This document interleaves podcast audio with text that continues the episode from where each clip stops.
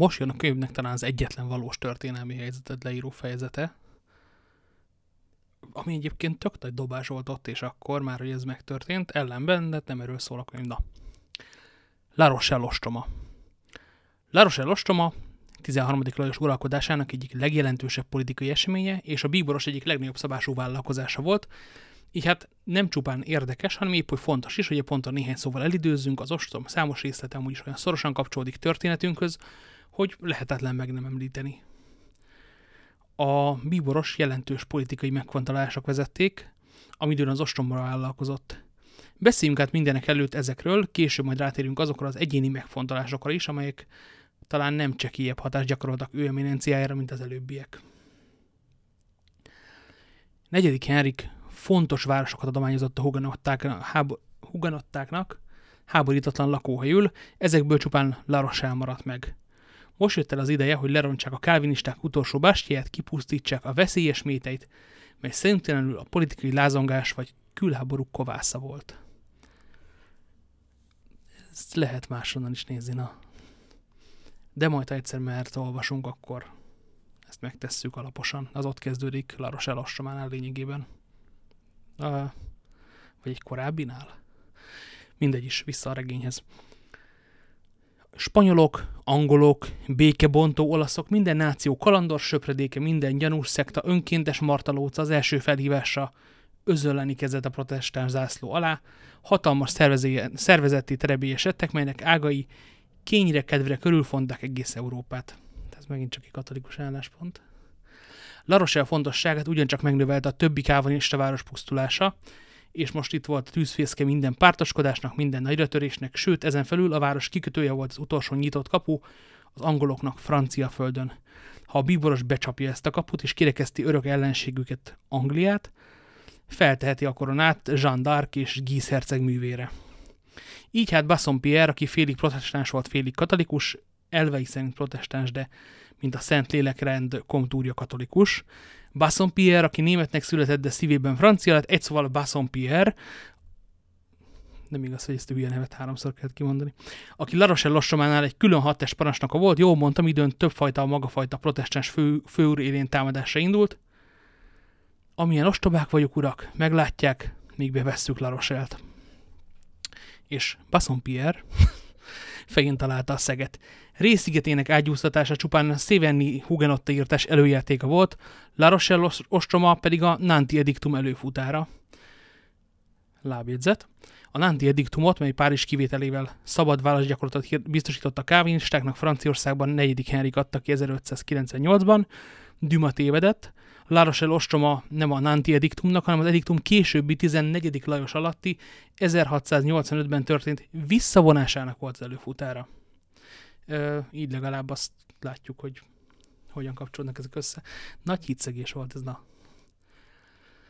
De miként már említettük, a miniszter eféle egységesítő és egyszerűsítő megfontolásai mellett, melyek a történelemre tartoznak, a krónikásnak számításba kell venni a szerelmes férfi és a féltékeny vetítás alacsonyabb rendű megfontolásait is. Richelieu, mint tudjuk, szerelmes volt a királynébe, egyszerű politikai célja volt -e ezzel a szerelemmel, vagy ausztriai Anna benne is érthető és mélységes szenvedély, szenvedély gyújtott, akár csak nem egyszer egész környezetében, azt nehéz volna megmondanunk. Minden esetre már tudjuk történelmünk előzető, előző fejezeteiből, hogy Buckingham kiütötte őt a nyerekből, és két-három esetben, különösképpen a Zsinóor hegyek kalandjában, hála a három testőr önfeláldozásának és D'Artagnan vakmerőségének, csúfosan lóvá tette. Richelieu tehát nem csupán Franciaországot akarta megszabadítani egyik ellenségétől, hanem bosszút is kivált állni vetításán. Nagyszabású és példás bosszút forralt minden tekintetben méltót ahhoz a férfihoz, aki egy egész ország haderejét használta harci kardnak. Richelieu tudta, hogy ha Angliára támad, Buckingham ellen harcol, ha Angliát legyőzi Buckinghamen a raddiadalt, ha Európa szín előtt megalázza Angliát, a királyné szín előtt megalázza Buckinghamet. Ugyanígy volt Buckingham is. Anglia becsületét tűzte zászlajára, de valójában pontosan ugyanazok voltak az indítékai, mint a bíborosnak.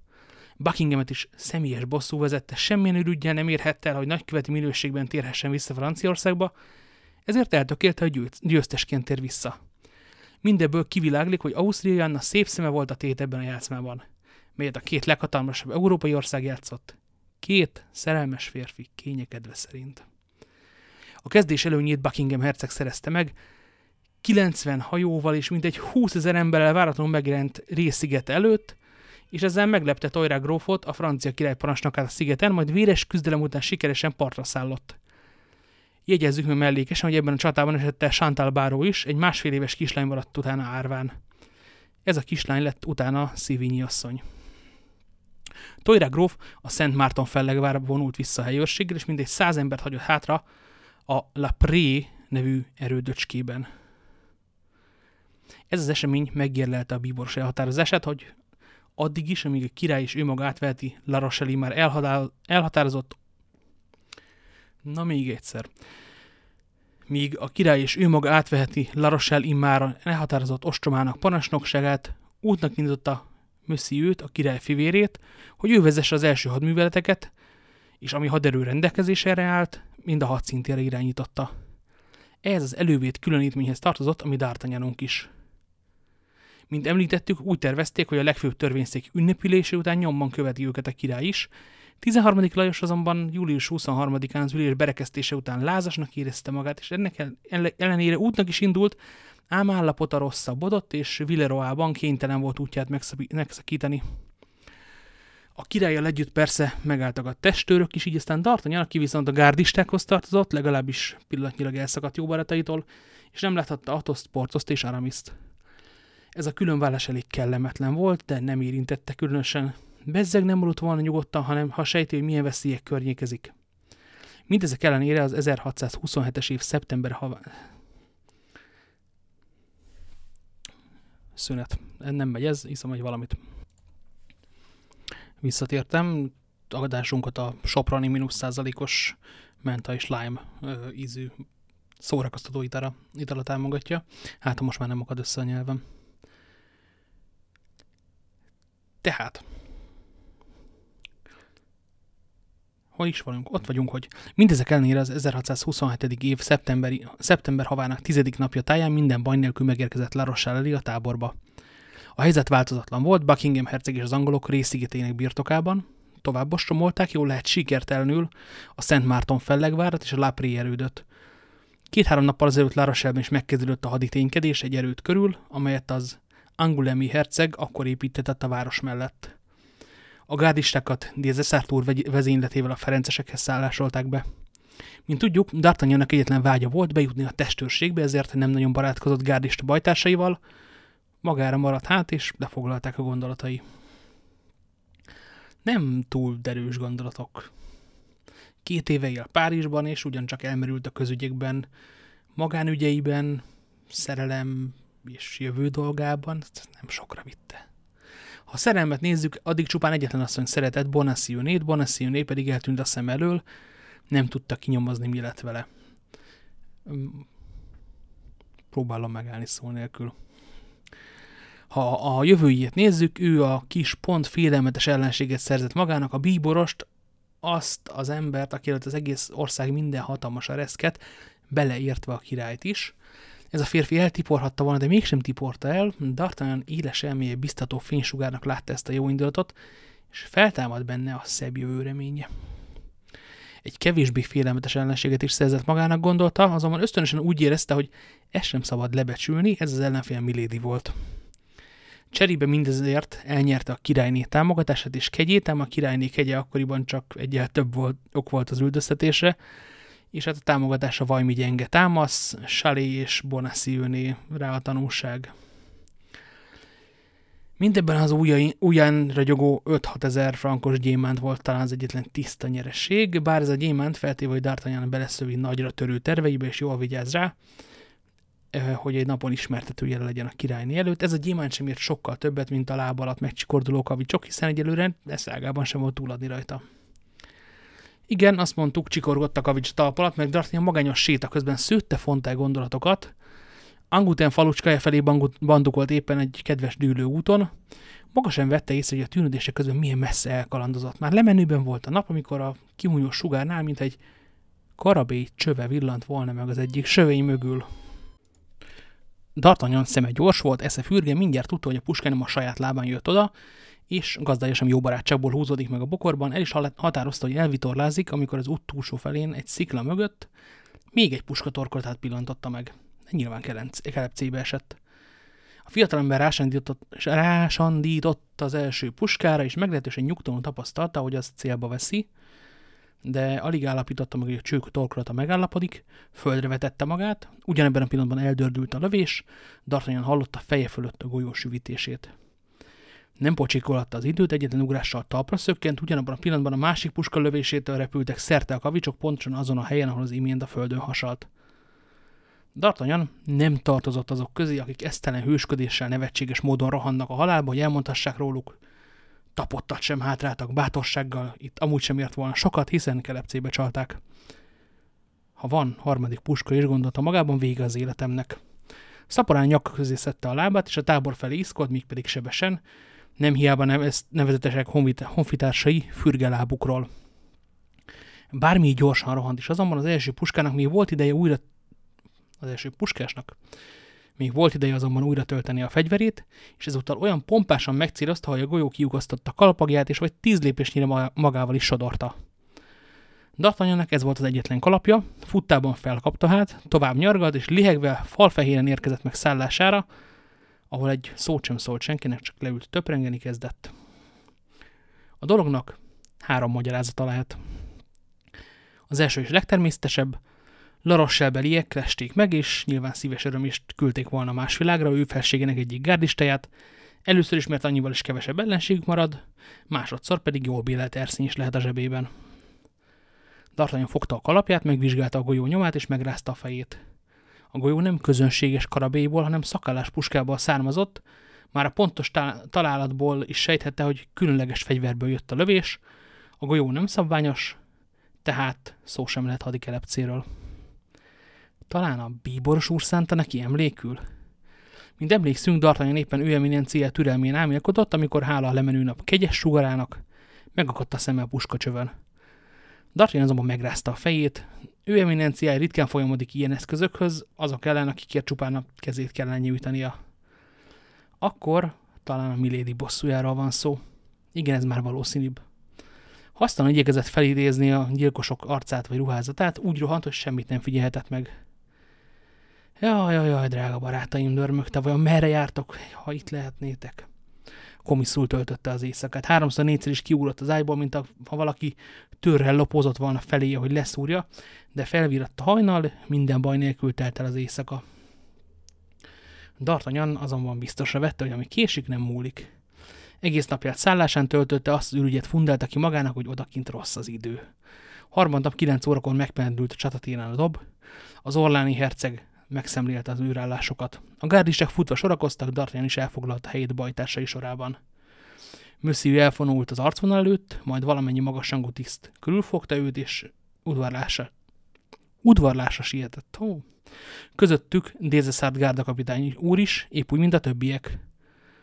D'Artagnan kisvártatva úgy látta, mintha Dézeszárt úr felé intene, hogy lépjen közelebb, attól félt talán téved, ezért újabb eladásra vált felettesétől, de megismétlődött az intés, mire kilépett a sorba, és oda sietett, hogy meghallgassa a parancsot.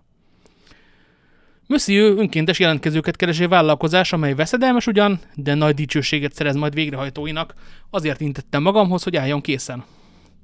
Köszönöm, kapitány uram, válaszolta D'Artagnan, aki alig várta, hogy a fővezér szeme láttára kitüntesse magát. A La Rochelle-iek ugyanis éjszaka kitörtek a városból, és visszafoglaltak egy bástyát, melyet két nap azelőtt hódított el a királyi sereg. Most az volt a feladat, hogy egy előretolt felderítőjárőr kipuhatolja, mi módon őrzi a bástyát a hadsereg. Mösszi ő nem sokára felemelte a hangját, és így szólt. Három-négy önkéntes jelentkezőre van szükségem erre küldetésre, megbízható parancsnok vezetése alatt. A megbízható parancsnok már is itt van, kegyelmes uram, szólalt meg Dézeszár úr, Dartanyára mutatva. Ami pedig a négy-öt önkéntes jelentkezőt illeti, elég ha közölni kegyeskedik óhaját, emberekben nem lesz hiány. Négy ember, aki önként feláldozza velem együtt az életét, kiáltott a Dardanyan, magasra emelve a kardját. Két gárdista cimborája nyomban kipattant a sorból, utánuk mindjárt még két katona. Már is megvolt a kellő létszám, D'Artagnan tehát elutasította a többi jelentkezőt, nem akarta megsérteni azokat, akik elsőbségi jogot szereztek. Senki sem tudta, hogy vajon kiürítették időközben a Larosselliek a bástyát, vagy az őrséget hagytak benne, tehát elég közelről kellett szemére venni a kijelölt tereprészt, hogy a helyzetről tájékozódjanak. D'Artagnan megindult négy bajtásával, és végighaladt a lövészárkon. A két gárdista együtt ment. A katonák között, mögöttük lépdeltek. Az árok peremének védelmében így mint egy száz lépésnyire megközelítették a bástyát. D'Artagnan hátra fordult, és akkor vette észre, hogy a két katonának nyoma vezet. Azt gondolta, megijedtek, azért maradtak le, ő azonban nyomult tovább előre. A sánc külpart kanyarodójában körülbelül 60 lépésnyire közelítették meg a bástyát. Egy lelket sem láttak. Úgy látszott, az építményből visszavonultak a laroseliek. A három előretolt őrszem azon tanakodott tovább menjenek, amikor választlanul füstkosztorú bomlott ki a kőóriás körül, és már is fütyültek a golyók D'Artagnan és két cimbora füle mellett, lehetett vagy egy tucat. Amit tudni akartak, azt megtudták, őrzik a bástyát. Hiába a lovakmerőség volna, tehát ha tovább időznének ezen a veszélyes helyen. Így aztán D'Artagnan meg a két gárdista visszafordult, és hátrálni majd, hogy nem menekülni kezdett. Már-már elérték a futóárok kiszögellését, és kis ilyen fedezékre lehetek mögötte, amikor az egyik gárdista elesett, a mellét golyó járta át. A másiknak hajaszála sem görbült, és tovább futott a tábor felé. D'Artagnan nem akarta magára hagyni cimboráját, fölébe hajolt, hogy fölsegítse és visszatámogassa az arcvonalba, de ebben a pillanatban két puskalövés dördült el, az egyik golyó átfúrta a sebesült gárista fejét, a másik szétlapult a sziklán, mint egy két hüvelyknyire D'Artagnan mellett elsüvítve. A fiatalember fürgén hátrafordult, a futóárok kiszögellése eltakarta a bástyát, a támadás tehát abból az irányból nem jöhetett.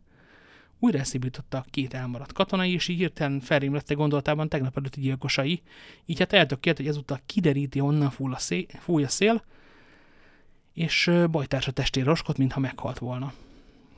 Tüstént két fej bukkant elő, tőle 30 lépésnyire egy félbe maradt sánc mögül, a két katona. Nem tévedett, hát ezek ketten csupán csak azért követték, hogy megöljék, azt remélték, az ellenség rovására írják majd a halálát. De számíthattak rá, hogy nem halt meg, csupán megsebesült, és leránthatja gaz gazságukról a leplet, ezért felé siettek, hogy végezzenek vele. Szerencsére D'Artagnan cselfogása lépre csalta őket, és elfeledkeztek róla, hogy újra töltsék a fegyverüket.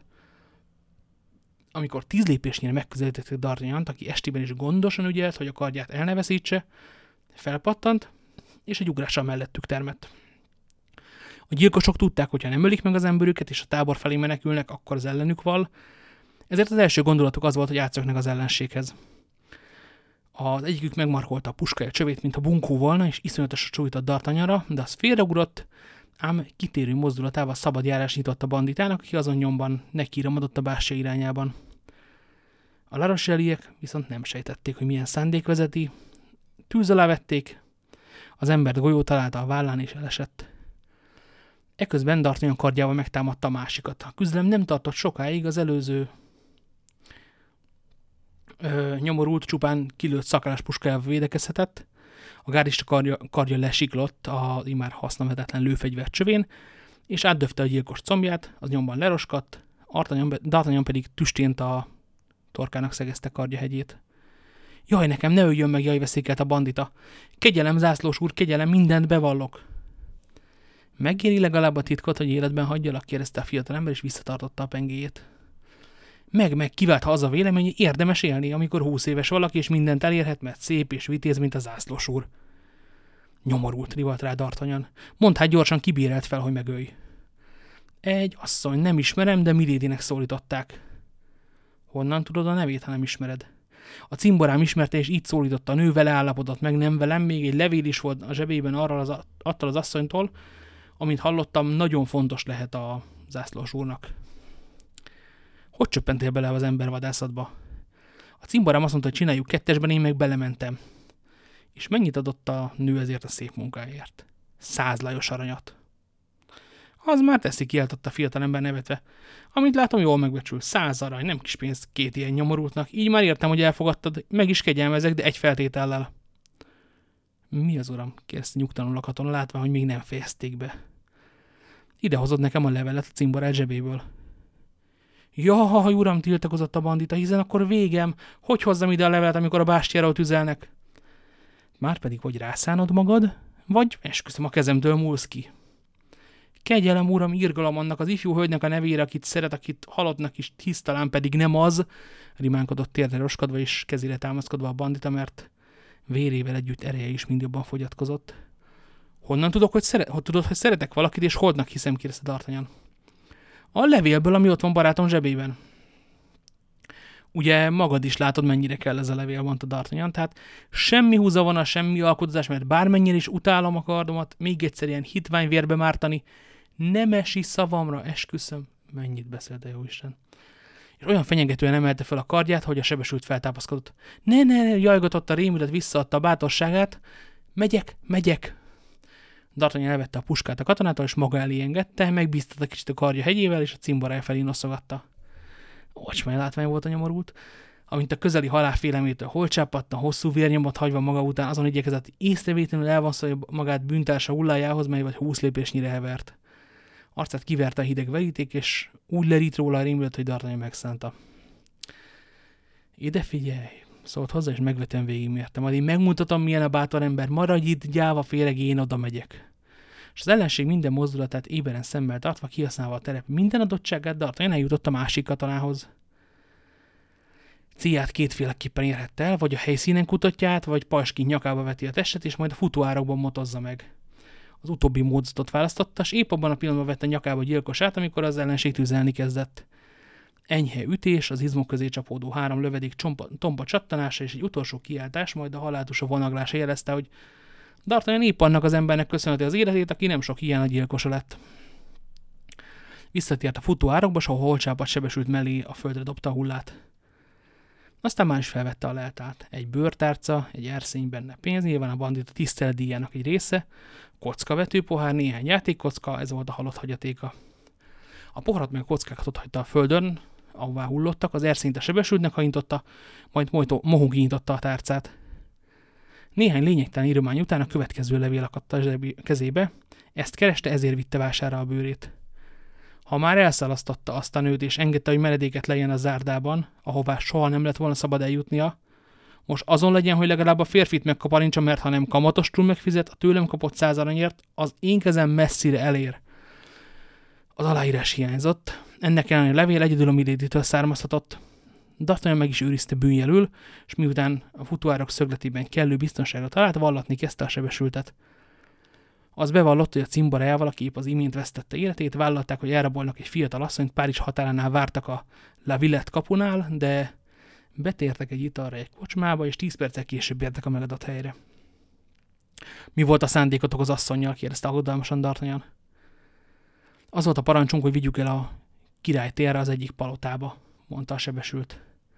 Na persze, dörmögte D'Artagnan Miladyhez. Megborzat. Most már ő is értette, hogy milyen bosszú vagy fülti ezt a nőt, hogy vesztébe sodorja őt is, az övéit is. Hogy ismerheti az udvar titkait, ha mindenről ennyire tájékozott. Értesüléseit kétségkívül a bíborosnak köszönheti. Ám mindezek ellenére igaz örömmel arra is rá kellett eszmélni, hogy a királynő végül mégiscsak rábukant a börtönre, ahol szegény Bonacieux néve ezekkel a hűlszolgálataiért, és ki is szabadította onnét. Mindez egyben arra is rávilágít, hogyan kaphatott levelet a fiatal asszonytól, tehát hogyan került a Sajaui úton tovasuhanó kocsiba, mint futó látomás. Tehát adoztak igaza volt, míg rátalált Bonacieux-nére, a zárda nem erőd, oda könnyen bejuthat. Ezek a gondolatok elnézésre hangolták. Megint odafordult a sebesült, aki remegve figyelt az arcának vonásait, és oda nyújtotta neki a karját. Hát jó, gyere, nem hagylak így itt. Támaszkodj rám, és menjünk vissza a táborba. Értem, szólt a sebesült, és sehogyan sem tudta elhinni, hogy valaki ilyen nagy lelkület, de remélem, uram, nem akar felköttetni. Szavamat adtam, felelte neki, és másodszor is visszaadom az életedet. Sebesült érje megrodjant, és D'Artagnan roskadt, és újból csókolgatni kezdte a lábát. A Gascony azonban hamarosan véget vetett a hálálkodásnak, nem volt miért tovább is az ellenség közelében maradnia. Az a gárdista, amíg az első sortűzre kereket oldott, jelentette, hogy négy bajtársa elesett, így hát nagy volt a csodálkozás meg az öröm az ezredben, amikor látták, hogy a fiatal ember épségen visszatért. D'Artagnan mesét rögtönzött, hogy kísérője sebesülését megmagyarázza, elmondta, hogyan vezet oda a másik katona, és milyen veszélyben forogtak ők maguk. Beszámolója nyomán valódi hősként ünnepelték, egy állónapig másról sem beszélt az egész hadsereg, és Mössziú is elismerését tollácsolhatta. Mindezen felül, mivel a jótett mindig elveszi utalmát, D'Artagnan jótette is megteremtette gyümölcsét, visszaszerezte neki régi nyugalmát. D'Artagnan is azt hitte, most már nyugodtan alhat, hisz egyik ellensége elpusztult, a másik pedig a pártján állt. Ám ez a nyugalom csupán egyet bizonyít. Még korán sem ismerte Milédit.